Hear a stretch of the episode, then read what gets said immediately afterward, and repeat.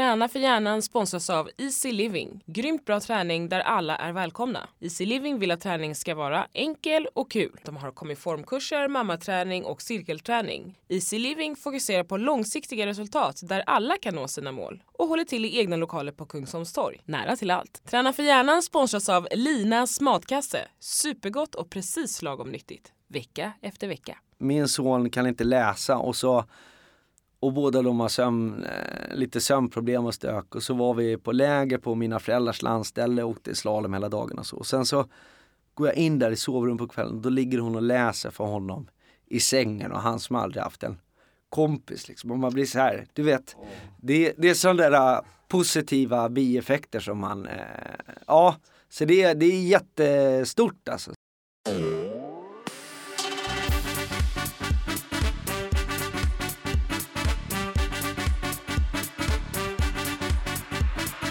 Hej och välkommen till Träna för hjärnan med Rickard Nordstrand och Johan Norén. Dagens gäst, ingen mindre än komikern, cyklisten Måns Möller! Ah, bra energi i Tennispodden! Nej men när man bollar ditt namn och ser ditt face så tänker man det här är ju en rolig rackare. Mm, men det är bra om man tycker så. Ja, men sen också om man forskar lite så är ju du en galen cyklist. Ja. Och det är därför du är här idag. Ja, ja, ja. Nej men jag gillar att cykla. Ja. Absolut. Eh, och eh, har väl lite tror jag blivit en eh, ny människa det också. Det här låter ju superflummigt men man hinner ju tänka ganska mycket på de här äventyren man gör en gång om året. Jag sitter redan nu och liksom planerar rutter och sträckor och Men, men hur sådär. kommer det sig, om, hur kommer det sig att man börjar cykla? Ja, det är ju det är som med knark. Det är en dålig kompis man har som leder in på, på det här. Nej men jag, du vet ju vem Christer Skog är? Ja. Eh, för de som inte vet så, kort är väl hans främsta, han har ju tränat väldigt många landslag i längdskidåkning. Eh, bland annat Sverige och USA, England och Australien. Lite sånt där. Och eh, han skulle jag börja träna med, så sa jag min dröm är att göra ett maraton.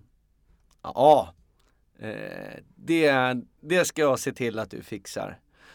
Och så började jag med att åka längdskidor, för jag var för fet för att börja springa tyckte han. Det kommer inte mina knän att palla. Så jag började åka längd. Och så klarade jag Vasaloppet med, med knapp marginal alltså. Det var precis jag klarade det här snöret. Som kommer efter den, att man måste hinna Ja, man måste tid. hinna innan snöret. Ja. Så det var ju, alltså så här, ja, om jag ska dra, vi har ändå tid på oss, vi ska göra en hel eh, podd ju. Ja, alltså, jag kör på. Kör, jag, skulle, jag skulle gå ner i vikt, det är faktiskt lite kul om vi pratar träning. Och då så var vi då, jag tränade fem dagar i Tällberg där han håller till. Eh, och sen så skulle jag göra eh, Vasaloppet. Och då hade jag läst då själv att man, många går ner i vikt, man håller på i många timmar och det här och att det är lång, lugn träning och man tappar mycket fett och så här. Så jag gjorde det här Vasaloppet precis så jag klarade snöret. Det var några tjockisar som strök med men jag klarade mig. Det var ju mörkt när jag startade, det var mörkt när jag gick i mål, jag gick i mål bland de sista. Eh, slängde skidorna i den där bäcken där och sen så var jag ändå väldigt stolt och så gick jag upp på morgonen efter och vägde mig.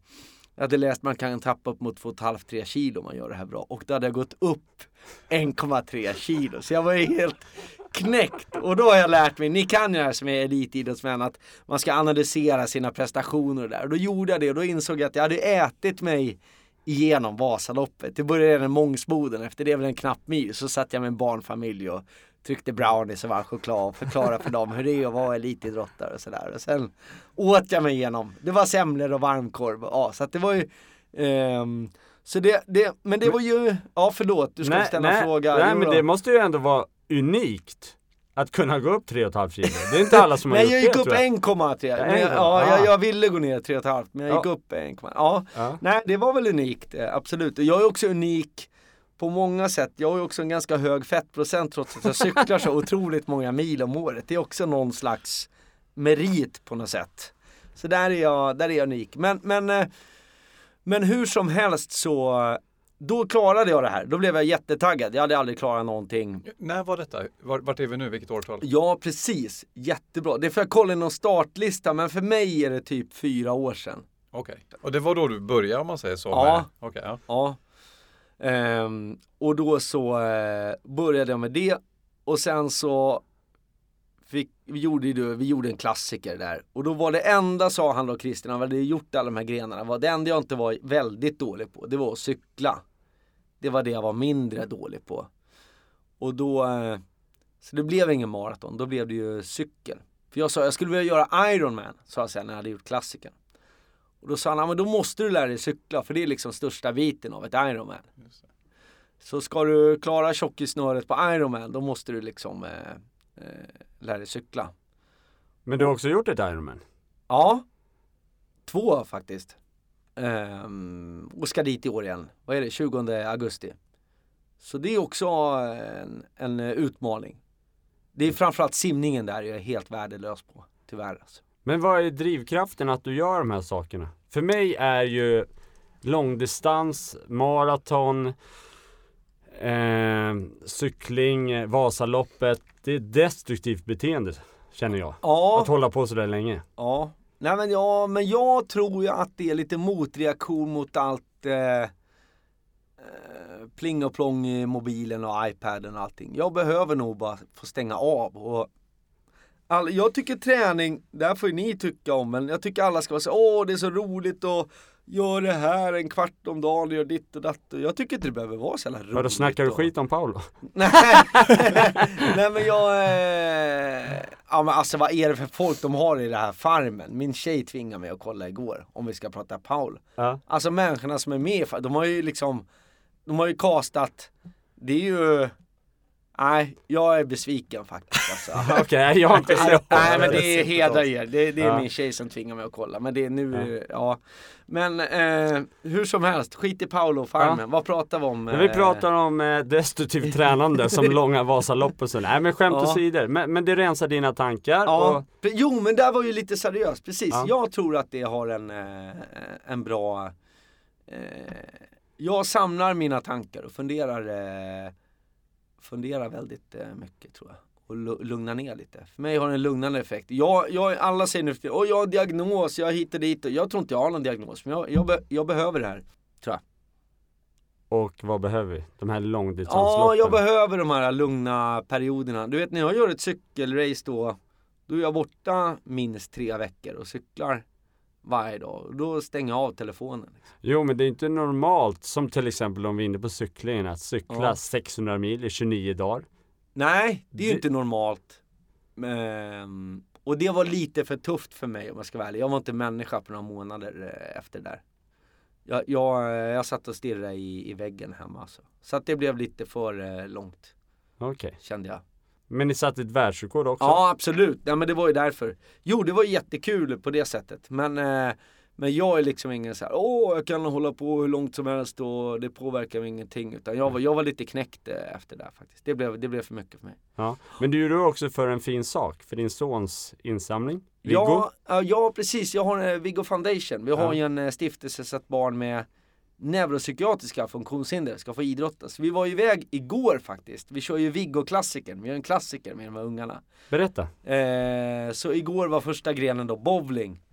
Eh, så det var 50 ungar som stod och bowlade och fick medalj och diplom och det var faktiskt jätte, jättemysigt och det är nästan som en film. Men min son var där själv, han kände ingen. Så kom det en annan kille själv från Uppsala som hette Tim och så bowlade de ihop och så slutade det med en kram och vi bytte nummer med föräldrar. Alltså det vart hela det syftet i den eh, dagen. Så jättelyckat. Och så ska de göra då nästa gren är friidrott. Och sen är det ett, ett, eh, löplopp. Men hur funkar det tänkte jag med ledare och sånt här på plats? Hur, hur funkar det just med, med de här barnen? Alltså måste- helt suverän fråga. För jag skulle precis komma till det. Det finns ett annat gäng som vi gör det här ihop med. Så det är inte bara Viggo Foundation. De heter Aktivis. Det är fritidsledare och gympalärare från särskolan som liksom har ställt upp och dragit igång. Jättefina killar och tjejer. Så att det finns ju en massa bra folk som brinner för de här eh, grejerna. Ja. Som, eh, som gör, alltså vi gjorde också de här pengarna från världsrekordet gjorde bland annat att vi kunde nu vecka tre var vi uppe i Lindvallen med Christer då som längdcoach. Och så köpte vi in längdskidor till alla barnen så fick de ha längdåkningslektioner. Och jag ser ju om vi pratar träning och hjärna, min son har till exempel svårt med fin motorik och lära sig diagonala du vet. Vänster, höger, oj nu slår jag till hela bordet här när jag ska visa. Det är ju det händer ju väldigt mycket i hjärnan. Eh, och det är väl lite det ni snackar om här och träna för hjärnan och vad händer liksom med kroppen? Och för de här barnen så är det, alla barn behöver idrotta, det är ingen hemlis, men de här barnen behöver det extra mycket. Alltså. Så de går ju, min son går ju intellektuellt framåt i takt med att man utvecklas eh, idrottsmässigt. Kan vem som helst eh, som har ett barn söka in till det här? Eller är det någon Ja, ja absolut. kösystem eller hur funkar det? Ja, alltså de här lägren är överfulla, herregud. Mm. Men, men den här klassiken, där var det inte fullt till exempel. Så det är bara att mejla viggofoundation at gmail.com tror jag det är. Man får kolla på hemsidan viggofoundation.se. Ja. Så jag säger rätt adress nu. Så eh, anmäler man sig till klassik. Man behöver inte vara med bara för att klassiken har startat. Man kan vara med i enskilda grenar, vara med i friidrottsdagen på Lidingö och löploppet och sådär. Så det är jättekul att få, eh, få eh, för många säger, ja men vi kan inte ha några krav på vårt barn, han har diagnos och så. Men då är det liksom lopp och du ska klara och springa de här kilometrarna på en bestämd... Även om för många av de här barnen har ju bra och dåliga dagar och så. Men då är det liksom De har satt ett datum och satt ett mål och det här är jättestort när man klarar det här alltså. Ja, coolt. Ja, Mm. Men jag har ju också fått eh, turen, vad ska man säga, för min skull. Men du har ju varit och tränat med din eh, styvson också hos Ja, mig och kört thaiboxning. ja. Du Det är verkar ju grymt, grymt bra träning alltså. men du verkar göra mycket tillsammans med dina barn uppenbarligen. Ja, jag tycker det är ett perfekt sätt att umgås alltså. Ja, det är väl magiskt om man kan göra det och Och tillsammans. det måste jag ge en fjäder i hatten till de här Friskis och Svettis uppe i Sälen på ett sommarläger vi hade och lärde oss att träna med barn. Alltså du använde barnet som tyngd och barnen får. Det var ju jättekul alltså tyckte alla föräldrar och unga. Det var ju superkul eh, pass. Ja, jätteroligt. Så det finns massa roliga grejer att göra. Jag, jag tycker liksom man, det ger så mycket mer än att när man går på så här Andys lekland så sitter alla föräldrar och tittar ner i iPhonen och alla ungar springer runt och bara skriker och sen har alla ont i huvudet och åker hem. Det, det är liksom, för mig är inte det en familjesöndag. Hur såg det ut tidigare då? Innan du kom in på det här med träning, vad, Ja, då hade vi ingenting. Vi hade inga lag där Viggo klarade att vara. Han klarade inte stora grupper och sådär. Eh, vi försökte vara med i en slalomskola tills jag sa att han är autist. Då fick vi inte vara med för de sa vi vågar inte ta ansvar för det här. Och då, det var då jag upptäckte att det fanns ett glapp liksom. Att han, det finns ju parasport för de sitter i rullstol och så finns det barn. Men de här barnen, jag brukar säga att deras största funktionshinder är att man inte ser att de är funktionshindrade. Och de hamnar liksom lite mitt emellan och då kände jag vi måste liksom, eh, det måste göras något där. Och det finns jättemånga Huvudsyftet med den här stiftelsen det är ju faktiskt då att ge pengar till sina lag som startar upp. Så då ska man absolut eh, skicka ett mejl och, och söka pengar av eh, oss. Helt enkelt. Och det är därför vi cyklar då. Vi säljer ju varje dag till ett företag så gör vi reklam för dem den dagen. Det är så jag får in pengar på cyklingen eh, helt enkelt. Så många är så här, men hur orkar du sitta och gneta? Ja, men då vet jag, idag cyklar vi in 20 000. Det är liksom tre lägerplatser för tre familjer. Alltså det blir, då blir det så här, ska jag verkligen lägga av idag liksom? Det blir en, eh, en eh, för jag hade inte pallat göra de här grejerna bara för att det var kul eller av äventyrslusta. Jag måste ha en motivation eh, också. men hur, hur upptäckte du eller ni det här med fysisk aktivitet? Hur, hur kom ni och du i kontakt med det? Och sen liksom hur, hur, märkte, hur märkte man att det var en sån positiv inverkan? Nej men jag märkte det för att vi hade inga kompisar. Jag gjorde en föreställning, nu ska jag inte bli för eh, dramatisk men den hette Jävla paja som handlade om eh, hur det var att vara pappa till han som inte blev bjuden på kalas. Och, eh, och då kände man att att det är lite att få vara barn att eh, ja du vet få ryggsäck, vara med i ett lag och åka på läger och allt det där. Att det det tycker man alla ska få göra. Helt enkelt. Förlåt. Nej. Jag är så jävla blödig när jag pratar om de här grejerna för att eh, det är ju eh, Men samtidigt är det så jävla kul när det, när det funkar liksom. Så att eh, Så då då Då är det ju fantastiskt alltså, när man får det funka, får det rulla. Men så för mig var det inte så här, åh det här har bara kommit där att han utvecklas i hjärnan i och med att han eh, idrottar. Det har liksom blivit en positiv, det var inget jag hade läst på. Nu när jag får man ju massa mail och böcker och Träna för hjärnan är någon bok som är jättepoppis nu va? Eller vad heter den? Hjärnstark va? Hjärnstark, Ja. förlåt. Ni heter Träna för hjärnan. Det är en jäkligt bra podd som heter Ja. Träna för hjärnan. Ja, exakt. Men Ja. eh, det, det var absolut inte, ska jag säga, att jag hade någon så här superplan att räkna ut att han kommer lära sig det här om han. Utan, eh, utan jag ville bara att vi skulle få ett socialt eh, sammanhang, helt enkelt.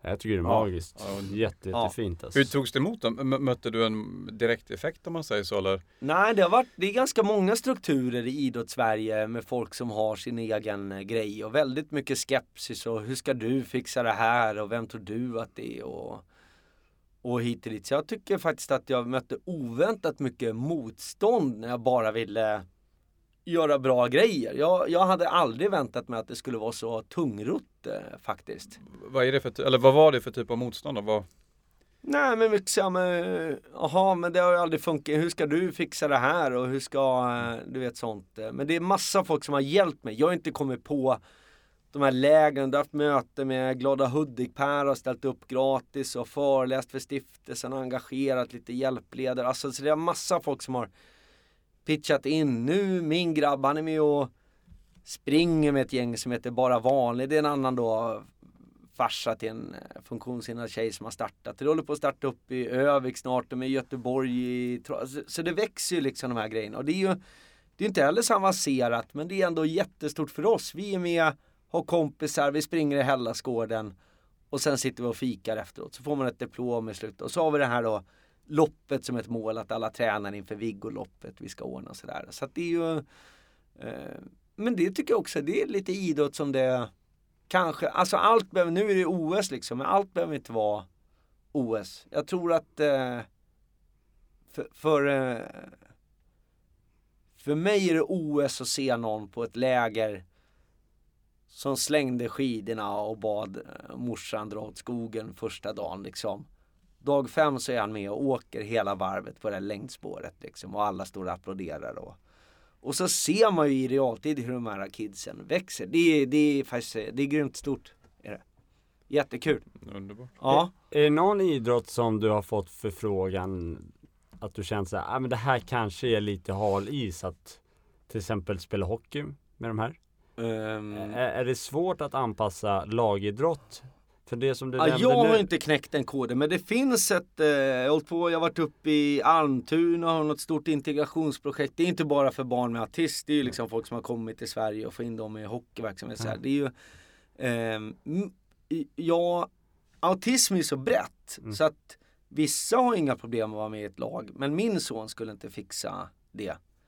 Ehm, till exempel. Men det finns ju nu fotbollslag med i MPF och så här. Så att det Ehm, jag tror liksom att eh, där är jag lika okunnig som alla andra. Man är såhär, men det kommer aldrig att funka. Det kommer säkert funka om någon ger sig tusan på det och starta ett eh, hockeylag med det här. Så att jag, jag vill inte säga Men det är också så intressant, säger då han Christer Skog jag tränar med. Han har ju haft liksom Ja men längdskidlandslaget på den tiden det var eh, Mogren och Wassberg och de där liksom. Han har sagt att många av de som är extremt duktiga har ju någon form av diagnos. Det kanske inte är officiellt eller så men de, de här människorna blir ju extremt duktiga på det de är intresserade av. Om ni ser Rainman, han lär sig hela telefonkatalogen. Så det finns ju samma som har den fixeringen fast vid idrott och då blir de ju liksom oslagbara, de som kan eh, fokusera på. Så att eh, jag tror att eh, om man hade ett så här rent elitprogram från en, om vi var Nordkorea och bara skulle hitta OS-guldmedaljörer, då skulle vi också gräva i autistspektrat och ta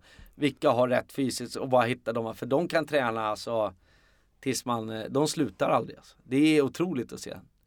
Så det, det, det, det, finns både de som har extremt svårt och de som är extremt lätta liksom. Det blir en väldigt Eh. utmaning för ledarna. Alltså måste det vara för att Ja. få ihop den här gruppen. Det måste vara verkligen hålla liksom Precis, men då hade vi en tjej som var jätteduktig till exempel. Ehm, då fick hon som uppgift att coacha min son som inte var lika. Så fick hon vara stora syster till honom Ah. liksom och sådär. Så att det, vi försöker, det får man ju tänka ut eh, ad hoc på plats liksom. Lite olika uppgifter. Så. Då växte hon jättemycket av när man ska saxa. Då säger de kom igen nu Viggo, gör julgranen i uppförsbacken och så slänger han ut skidorna och så här. Så att det, hon växte ju på det så man, man får ju hitta olika, Vinklar. ja olika Men så är det väl för alla som idrottar kids i Eller tränar barn. Alltså att i grupper är det ju, jag är ju eh, Tycker det är lite tragiskt när man hör liksom att, ja men nu våran 12-åring platsar inte i A-laget här så nu kommer han lägga av liksom. Då blir jag så här, men han hade ju så kunde de inte ha haft ett Ja men du vet det här elitismen och jag, jag vet inte om det är Många sådana här idrottsforskare verkar ju som de tycker att man ska hålla på med många sporter ännu lite längre upp i åldern för att man vet liksom inte hur bra folk är förrän en bit efter puberteten. När man börjar selektera ut folk när de är 11 år liksom. Det är kanske inte helt rätt väg att, att gå. Nej det tycker inte jag heller. Har man möjlighet så tycker jag att man ska få vara barn så länge som möjligt. Och man ska ju få chansen att testa så mycket idrotter som möjligt. Det har väl lite med att ha roligt och vara barn tycker jag.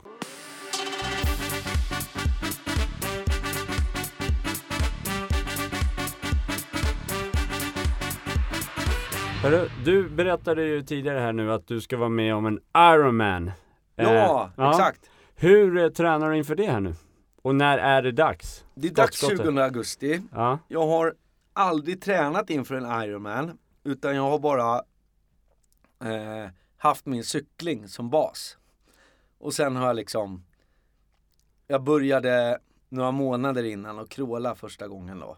Stämmer det att det var du som fick Bingo Rimér att börja köra Ironman? Jag har hört det på omvägar. Eh, Men då jag, slår vi fast det här, träna för Ja, hjärnan, så ja. var det. ja exakt, jag tror ja, det. Ja.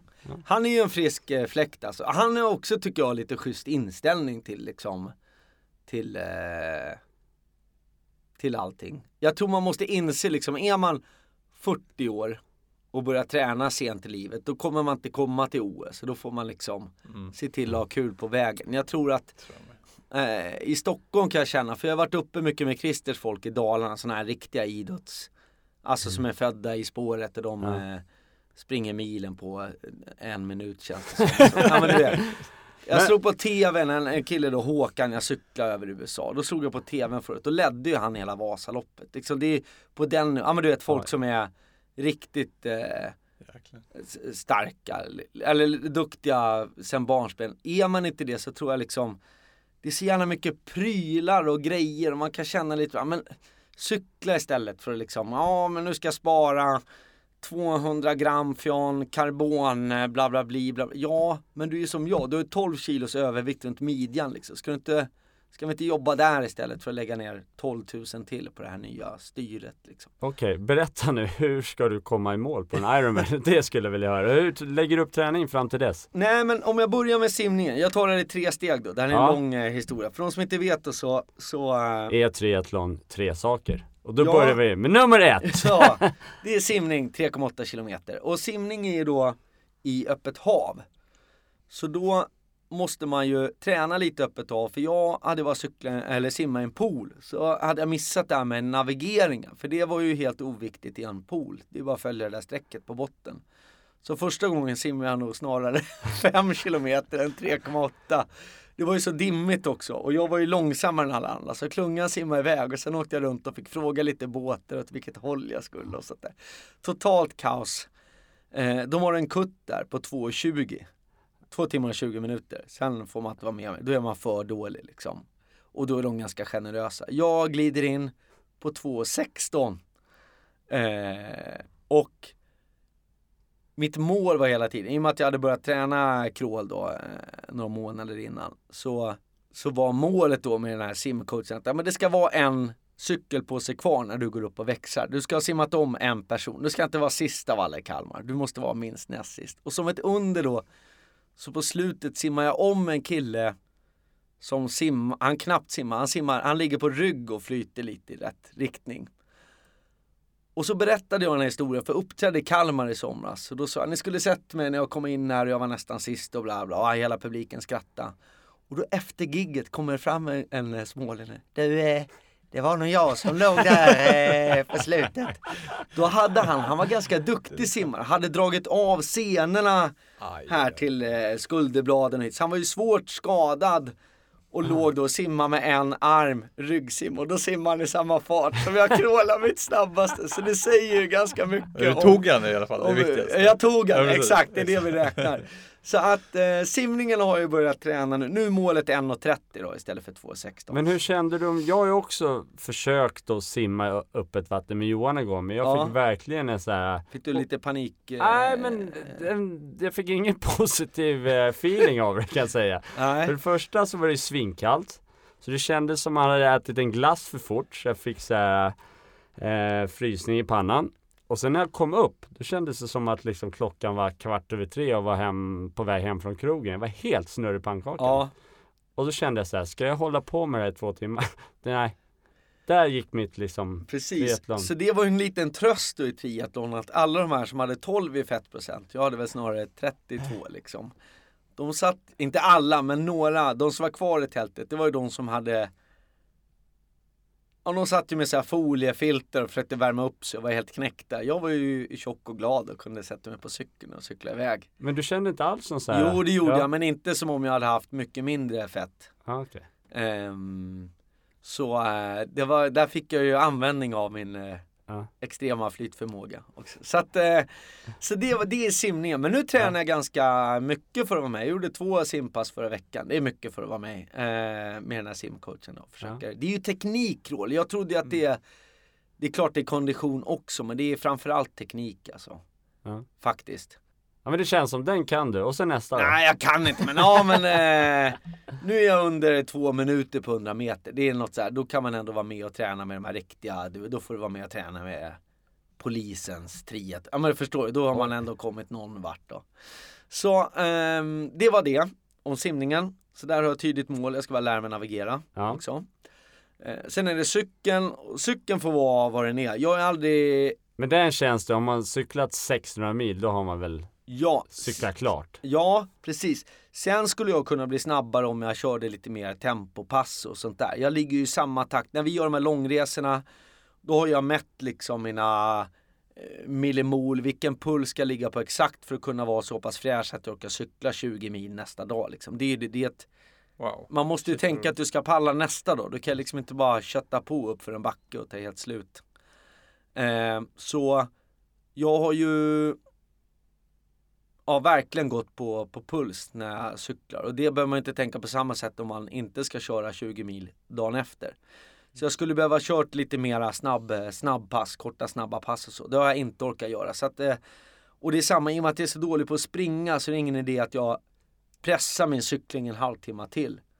För då, eh, då klarar jag inte det här maratonet som är, är kvar. Men det stora jag ska göra i år det är ju då att eh, köpa en tempohoj så man kommer ner i den här eh, störtbågen för att spara. Då kanske det går, jag vet inte, men säg att det går typ 3 km snabbare.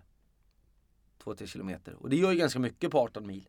Mm. Ja, nu har inte jag räknat på det, men det är säkert en halvtimme eller Men du 25. måste ju ha massa mil i kroppen nu i cykling. Du har ju cyklat hur mycket som helst. Ja, men, eh, men eh, sitta på en trainer hemma som någon som kan cykla gör, det har jag inte eh, mentalt eh, klarat av. Så jag har inte cyklat en eh, meter sedan eh, Ironman förra året. Men eh, det kommer, vi ska veva igång det här strax. Och, och löpningen då, inför ett sån här maraton som är det sista. Hur tränar man då? Kör du liksom intervallpass eller ligger du på Nu har jag faktiskt skaffat en löpcoach.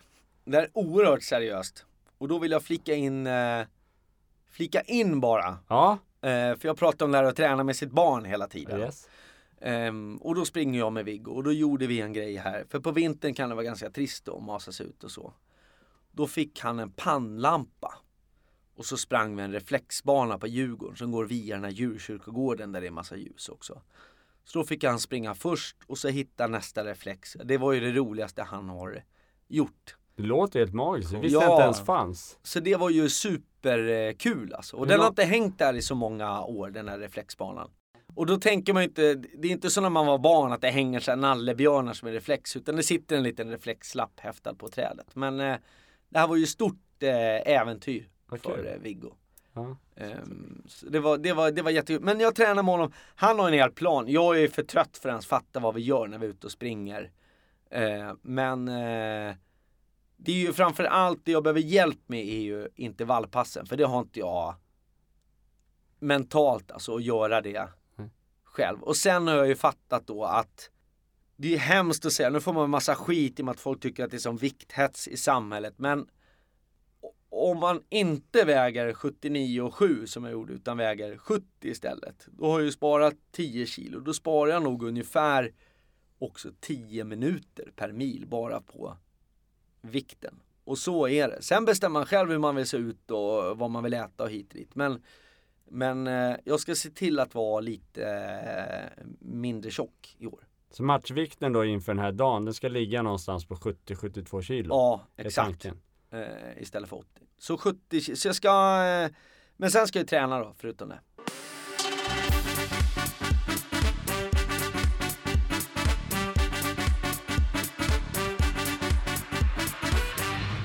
Träna för hjärnan sponsras av Simor. Simor är en streamingtjänst där du kan streama filmer, serier, tv-program och sport helt utan reklam. Du kan också livestreama alla SVT och TV4s kanaler precis vart du vill. Nu går det att boka Rickard och Johans träningshelg på Körunda som äger rum den 21 till 22 april. Tillsammans med deltagarna skapar Rickard och Johan en helg fylld med glädje, inspiration och personlig utveckling. Boka din resa nu på körunda.se. För att inspirera om man lyssnar på det här då, vad, tror du generellt sett att man sätter för stora krav på sig själv? Du, du säger ju nu att ah, men jag kör ett Ironman och jag har tränat, som du sa kanske innan, lite mindre än vad man Ja, jag har aldrig borde. tränat simning eller löpning. Det här är första Ja men året. precis. Men, men, Så det men, vore kul att inte vara sämst på de två grenarna utan att vara i alla fall med i match. ja, men vänd på det. Tror du inte många skulle vilja göra så men kanske lite rädda för att eh, inte kunna?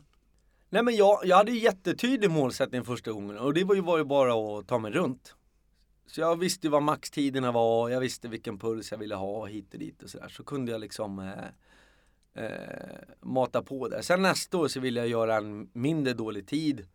Då kapar jag en och en halv timme och nu ska jag försöka kapa någon timma till liksom så man har ett nytt mål. Så, ja, men nu vill jag in under 12 timmar där någonstans liksom. Istället för, jag låg på 13 förra året så. Men jag menar, det är ju mm, det vore ju trist om det inte gick framåt när man tränar. Så jag, jag, man, eh, så jag är jätteglad och så här, men nu har jag börjat sätta lite mål för att jag eh, vill att det ska hända något. Alltså att det ska gå framåt. Så inte bara liksom att det bara är for fun, utan jag vill ändå ha något, sen är det på min nivå liksom. Det här är inga bra tider vi sitter och pratar om. Men det, för mig är det här jättestort då om jag klarar mina 12 timmar. Framförallt förlorade mot Bingo med 7 minuter tror jag, något sånt där. så? Kalmar. Ja, så det här sved ju oerhört. Han sa ju det var bara på lek, sen har ju han gjort tusen poddar när han pratar om det här. Och hit, hit. För jag trodde ju att jag var en publikfavorit redan när jag gjorde en svensk klassiker. Folk stod och skrek och hade skyltar heja Måns tills jag förstod att det var Måns Zelmerlöw som Som, som låg bakom. Ja, så att jag har ju inte alls haft det här folkliga stödet som jag har trott. Så det kanske kommer gå tyngre nu. Ja. Nu har jag levt i en, eh, i en lögn. Helt Men, enkelt. men du, du som eh, framstår att vara en rolig person som har det ändå som ditt yrke. Ja, Känner du nu när du ändå har lagt in så mycket träning i din vardag att du orkar liksom prestera mer, att du är mer driftig helt enkelt? ehm, ja och nej. Alltså, jag tycker det vore fel att säga åh jag får så mycket energi av min träning så allt är bara tjofaderittan och jag presterar allt på fyra timmar istället för på tio för att jag är så snärtig. Nej, det tar jättemycket tid att träna. Så jag har ju medvetet dragit ner på mina jobb. Jag åker, ja men du vet ju själv, vi har hållit på att strula med den här podden i flera månader innan Mm. jag kom hit. Jag försöker liksom styra bort allt som tar min tid. Sen gillar jag, eh, det, vi sågs ju på något event för, där du tog hand om lite kids och föreläste och sådär som Mm. du skulle hjälpa att få integrera och få in på arbetsmarknaden. Jag har glömt vad det projektet hette. Eh, Jobb, jobbchansen? Ja, jobb, ja, Ja. så det känns, ja men det är bra folk, då får jag faktiskt Mm. ta och sluta spela så upptagen och jag masa mig iväg till den här Men där ställde du också upp och var och föreläste? för- Jo, jo, men det var ingenting. Ja. Ni jobbar med det där i flera Ja. månader liksom. Men, men jag menar att det, så ja, det tar mycket tid. Ja. Liksom. Och, och det andra tror jag är man måste tänka att det behöver faktiskt inte vara så roligt alltid. Alla pass är inte roliga. Nej. Är det plus en grad och slask om man ska ut och springa. Då, då är det faktiskt skönare att sitta och titta på Netflix. Liksom. Sen får man göra ett val. Men jag tror man lever i en lögn om man tror att alla pass ska vara så här att man hjular och skjuter raketer när man kommer fram och allt är jättekul. Men hur gör du det då när du har de här, som du säger, det är slask och tråkigt och, och hur, hur pratar, Ja, hur pratar du med dig själv också. liksom? Jag är människa jag också. Jag eh, Det är ju därför jag har de här eh, folket som jag simmar med eller löper med för att jag eh, Jag Om inte vi hade bestämt på söndag klockan 10 och det är svindåligt väder då hade jag nog skitit i det. Så jag måste nästan ha någon eh, som säger vad dålig du är. Om jag inte kommer. Jag måste ha någon skam men det vore ju en dröm att inte ha det. Det är det jag tycker med alla de här elitidrotterna som bara kör och kör och kör. Att de, jag tycker det är otroligt när man börjar förstå hur mycket tid de har lagt ner och vilket slit det ligger bakom. Det är, ja, det är sjukt imponerande. Därför kan jag, jag kan sitta och grina på OS när de tar medalj och sånt där. Men det gjorde du också Rickard. Du tackar dina träningskompisar för att du var, att du hade dem. Att du, Absolut, det, så tror jag att det är väldigt viktigt att man eh, har någon som, eller man har en tid att passa, man har ett mål där framme. Eh, för du vet att du måste gå till träning för det är någon som står och väntar på dig där. Eh, och på så sätt, ja, mer eller mindre så blir man ju tvingad att gå dit. Eh, och som jag har sagt många gånger i podden och står för att jag har ju aldrig, aldrig ångrat ett träningspass efter. Då har jag verkligen känt så här, wow, det här var ju underbart när man får den här endorfinrusen, dopaminet och man bara känner att man är världens lyckligaste. Men självklart har man ju haft de här tankarna att man hellre vill sitta hemma i soffan och titta på TV.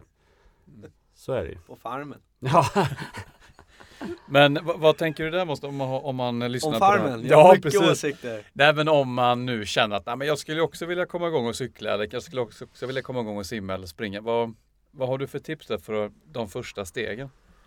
En bra grej jag vet så många jag känner, de har ju åkt iväg på någon läger där man får hjälp med allt och hyra en cykel och fixa och prova om det är kul. Det är lite långt steg att gå och köpa en dyr cykel och alla manicker för att se om man tycker det är roligt. Så lite så här, äh, hitta något äh, prova på sammanhang. Sen äh, när jag försöker lura någon att börja cykla och sådär, då sätter vi ett tydligt mål. Jag tror precis som när jag har med min son, så tror jag man måste göra med vuxna också.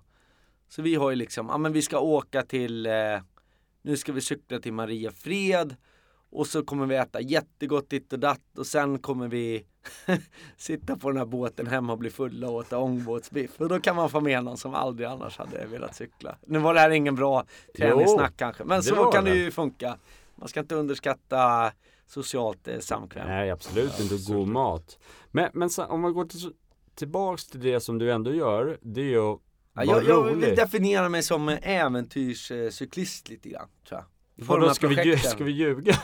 Du är en komiker. Ja, ja, jag är Ja. komiker. Ja, Ja, men det är det som jag tänkte på. Då måste man ändå leverera. ja, Man- förlåt. Ja, Ja, och folk förväntar sig att du ska vara väldigt, väldigt rolig. Och det här har du hållit på med under så många år. Har du inte känt en, ibland så här, nej jag orkar inte, det här är för mycket press? Eller kommer det naturligt att du är rolig? men det där är absolut, jag ser jättemånga paralleller mellan idrott och mitt jobb, absolut. Alltså som komiker, du är i form eller du är inte i form. Du måste leverera. Ja, du måste leverera, absolut. Du har ju, men du har ju liksom bra streaks och dåliga streaks. Du har liksom, ju mer sega träningspass, alltså ju mer gånger jag sitter själv vid datorn och skriver så här tre timmars pass jag har. Desto bättre kommer min show bli. Det är liksom, det är en rak linje däremellan. Och det, det, Kör, kör, förlåt att jag avbryter, men, Ja. men kör man alla de här showerna, du har ett manus, men händer det ofta, ja men nu har jag ingen manus. Jag har premiär 20 september på Världens historia. jaha, Man köper biljett på världenshistoria.com. ja. Och, eh, manuset är inte klart. manuset är inte klart, exakt. Så nu är det bara att sitta och skriva, ja. eh, gå på rookieklubbar, uppträda gratis, prova, spela in, kolla, okej vad satt, vad satt inte, stryk det som är inga skratt. Ta ut det som funkade, skriva nytt runt om, testa igen hit och dit. Så det är ju en, en jätteprocess och det är som träning att ha ett mål med 20 augusti Ironman. Liksom. Det är exakt samma process tycker jag lite grann. Och det här att leverera på topp, det är ju nu, nu eh, skit i, jag menar jag har kört Vätternrundan sjuk på en jättedålig tid och så var det så men du som har cyklat så mycket, ja men det var inte min dag liksom. Det, det gör mig ingenting. Men en dålig show skulle jag aldrig förlåta mig själv eh, för. Där har jag liksom, där har folk betalt för att, men om jag gör ett lopp och sen inte presterar vad jag tycker jag borde göra, ja då, då eh, Men det händer det så. ibland att du får en liksom en rolig publik och du känner så här, äh, men du har ett manus till grunden men du bara tappar det helt och bara svävar vidare och du bara får ett Ja men så det är det jag försöker, jag försöker improvisera Ja. mer än eh, de flesta för att det är det jag tycker blir roligast själv och publiken märker när det, ja men det här är inte förberett, det här är, oj han pratar med den om eh, Hälsingland och hur det var tandläkare Hälsingland och målar upp en jätterolig bild och bla bla bla och renar och hit. Alltså att man, eh, men för att våga göra det och släppa och improvisera då har jag suttit och förberett liksom i tre timmar, jag har ett manus i ryggen. Så funkar inte den här impron, då kan jag direkt gå tillbaks. Det är som om jag spelar in Parlamentet. Jag har ju preppat massa grejer. Vi spelar in 70 minuter, klipper ut 22 minuter. Men förhoppningsvis klipper de med i tv när jag freestylar och improviserar. Men jag har ju haft skämt med mig in som jag vet att jag ska säga. Så folk säger, ja men det är fusk, ni, ni vet eh, vad ni ska se, ni har skämt för Ja det är klart jag har skämt för Jag går inte och bokar en tv-studio, det är så här miljonprojekt och hoppas att man har en bra dag. Det är klart jag har en safety. Men förhoppningsvis om alla gör sitt jobb så blir det så mycket kul impro att det är det man klipper ut och det man visar i tv och då är det ändå improviserad eh, humor. Liksom. Men hur, hur gör du där då när du har många sådana här shower på rad?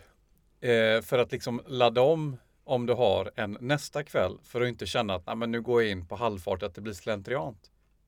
Har du en teknik där, där du, liksom, du vet, där du laddar om för att börja om på noll, eller hur?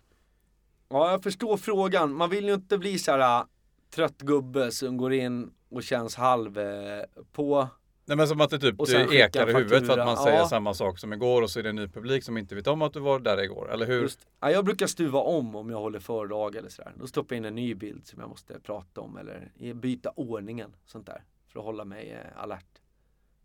Jag fixar inte, det är därför jag inte jobbar i ensembler och står på Kina teater. Så jag orkar inte stå och säga samma sak i ett och ett halvt år i en eh, rutig hatt. Liksom. Det får andra göra. Och det är all respekt till dem, det gör de jättebra. Men det är inte jag. Men det skiljer sig väl teater, stå framför eh, eller ha ett tv-program och stand-up. Ja. En... Absolut, det är ju helt olika grejer. Nu håller jag på med en tv-serie också om eh, eh, autism och sånt där och vi försöker få lite barn och idrott i programmet och sådana där grejer. Eh, Men en seriös men ändå med glimten i ögat med lite humor ja eller? men seriöst för det finns så mycket eh, Alltså att få se sådana här, kunna hjälpa olika familjer och, och barn istället för, för det vi matas med på nyheterna det är bara liksom den blev av med assistansen och kan inte andas själv på natten, Försäkringskassan gjorde det och, bla, och det blir lite inflation i det, alltså det är jätteviktiga frågor. Men jag tycker att det är för lite fokus på alla de här människorna som försöker faktiskt göra en bra grej. Och när man träffar de här föräldrarna till de här barnen, alltså de sliter ju som djur. Alltså. De sliter som djur. Så att om man kan inspirera dem att träna med sina barn, det är oftast i det här, eller oftast, men det är väldigt ofta det är folk som försöker få upp vardagen samtidigt som de ska slåss med tre olika myndigheter och till slut går de i väggen liksom. Mm. Eh, att man, man eh, ja, försöker få till, eh, få in lite träning och motion i det här eh, livspusslet så är det, man ser ju liksom glädjen att kunna göra något med sitt barn istället för att, att det är ju, det är oslagbart alltså. Det, det kan inte sägas nog. Så att jag tycker att eh, eh, Ja, nej, men idrott har en, det, det är nästan när det blir som bäst eh, för mig alltså. Sen tycker jag också det är jättekul när Kalla tar ett OS-guld och man fattar hur jäkla mycket hon har kämpat för det. Men det, för mig är det lika stort när någon lär sig åka längd två kilometer för första gången. Liksom. Okej. N- när, när, ja det där låter ju helt magiskt. När kan, när börjar det där visas, tv-programmet? Eh, det är höst. Okej. kom ihåg. Och Ja. det kommer heta? Eh, det är faktiskt inte ens bestämt än. Oj vad färskt. Kan Ja. vi få höra? Ja, eh, förutom att vi var uppe och filmade lite sen så är första riktiga inspelningen på fredag. Så jag har liksom, eh, där är eh, Sporringarnas eh, nytt. Bobo Krull ska hjälpa mig, han är ju en eh, det. legend och eh, idol. Så det känns ändå supertryggt. Vad kul. Hur många avsnitt blir det? Eh, sex eh, heltimmar, så det ska väl gå på SVT sen då. Spännande. Ja, Men av allt det du gör då, vad, vad, trivs du, vad trivs du mest när man säger så? Kan man säga så? Eller vad, vad, du har ju olika saker men vad gör du helst? Ja men igår var väl en ultimat dag. När jag fick se alla de här kidsen bli så glada och få medaljer och vovla och de får en t-shirt, allt det där. Ehm, och sen så packade vi ihop och sen så drog jag och Viggo, min tjej. Ehm, då hade jag scoutat var finns det en plogad bana och så tog vi på skridskor och så ut och åka skridskor på sjön och bulle och choklad och allt det där. Då hade man liksom fått eh, då fick jag lite egen, det var ett jäkla stoj och jag är arrangör på den där. Jag hinner ju knappt med mitt eget barn då. Men Mm. så fick man lite och han mår ju jättebra av eh, lugnet alltså. Ut i skogen, ut på sjön. Det där är Alltså att Att få eh, lägga honom fysiskt trött men glad liksom. Att han eh, Många av de här barnen har ju också sömn, sömnproblem liksom och får ge massa hjälpmedel, eh, tunga kedjetecken och man håller på och experimenterar för att få till det. Men när han bara somnar för att han haft en rolig dag och jag haft kul och då är det liksom, det är, det är fem, fem plus på en sån eh, dag. Det, då, då tycker jag idrott är som bäst faktiskt. Det, då är det inga nummerlappar och tidtagningar och megafon utan då är vi bara ute och liksom använder det vi har eh, lärt oss. Och han har ju övat balansen då på, på längdåkningen och då går skridskorna mycket bättre. Man ser ju allt det. Det är bara liksom eh, rassla på allting. Och då tycker han det är mycket roligare och allt det här. Så att det är superkul. Nej, ja, jag tycker vi rundar av med de där orden och eh, tackar Ja. att du tog dig hit. Och, Tack.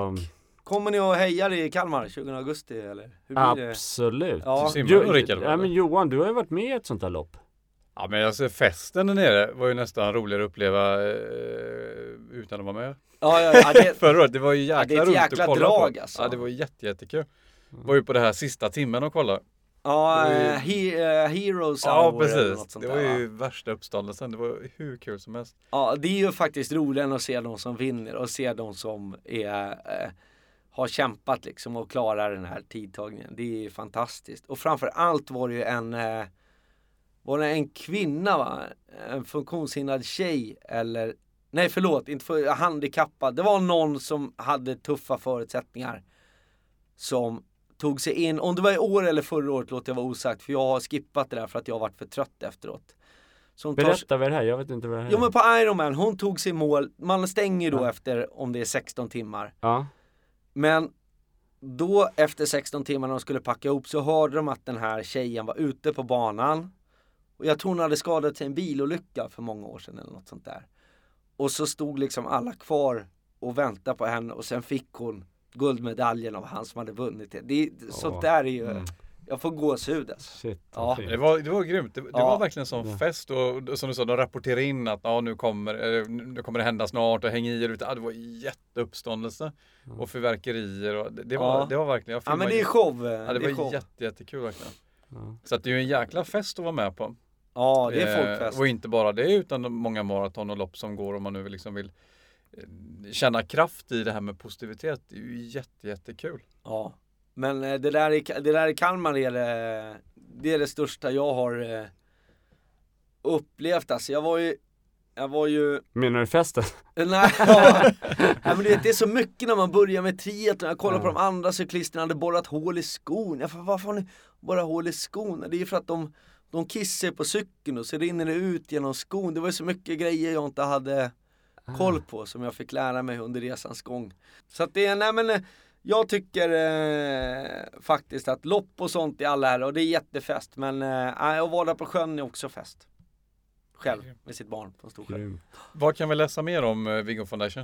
Eh, det är viggofoundation.se. Sen har vi en Instagram som är, där ser man ju vad vi gör istället för hemsidan. Liksom. Det, är, det är faktiskt eh, jättekul att se de här. Och de här ungarna, folk är ju så medvetna då så de går ju in själva. Det är också en stor grej att få vara med på Instagram där. Då är de jätte, så går de hem och så får man ha samtal från föräldrar. Åh, Totte har aldrig fått 100 likes liksom för någonting och han är jätteglad. Och, så det där blir också, eh, ja det har ju blivit, det hade jag aldrig sett framför mig men de har ju superkoll de här kidsen. Liksom. Vad kul. Ja. Men det känns som att man, eh, nu vet jag att ni ger mycket, men som du sa att de fick en t-shirt och så här och att det betyder väldigt, väldigt mycket för dem. De blir glada för väldigt lite. Som Ja. du säger, att det här med 100 likes, det är liksom så här, det kanske de kan prata om i flera dagar. Det är liksom det största som har hänt. Ja, alltså det, är- det är ju och, och, och få kompisar. Alltså vi var på ett läger, jag ska bara berätta en scen. Då ligger en tjej som är 12, min son kan inte läsa och så och båda de har sömn, eh, lite sömnproblem och stök och så var vi på läger på mina föräldrars landställe och åkte slalom hela dagen och så. Och sen så går jag in där i sovrummet på kvällen, då ligger hon och läser för honom i sängen och han som aldrig haft en kompis liksom. Och man blir så här, du vet. Åh. Det, det är sådana där äh, positiva bieffekter som man, eh, ja. Så det, det är jättestort alltså. Stora, stora grejer som eh, händer. Och nu ska jag ner med ett gäng här och nästa vecka ska vi till eh, Alperna de här barnen har haft eh, i eh, Team Total, ett lag som har fått pengar inom Huddinge Alpin som har liksom fått eh, pengar för att dra till Alperna. Så det har varit ett mål i flera år här. Så nu, blir, nu bär det av, så det ska bli jättekul. Ja. Ja, Då får vi önska dig all lycka till Ja, och tack snälla verkligen. att du tog dig tid Tack, och tack, eh, träna Så- på. träna för hjärnan. Ja, Kram exakt. på dig. Kram, hej. Hej.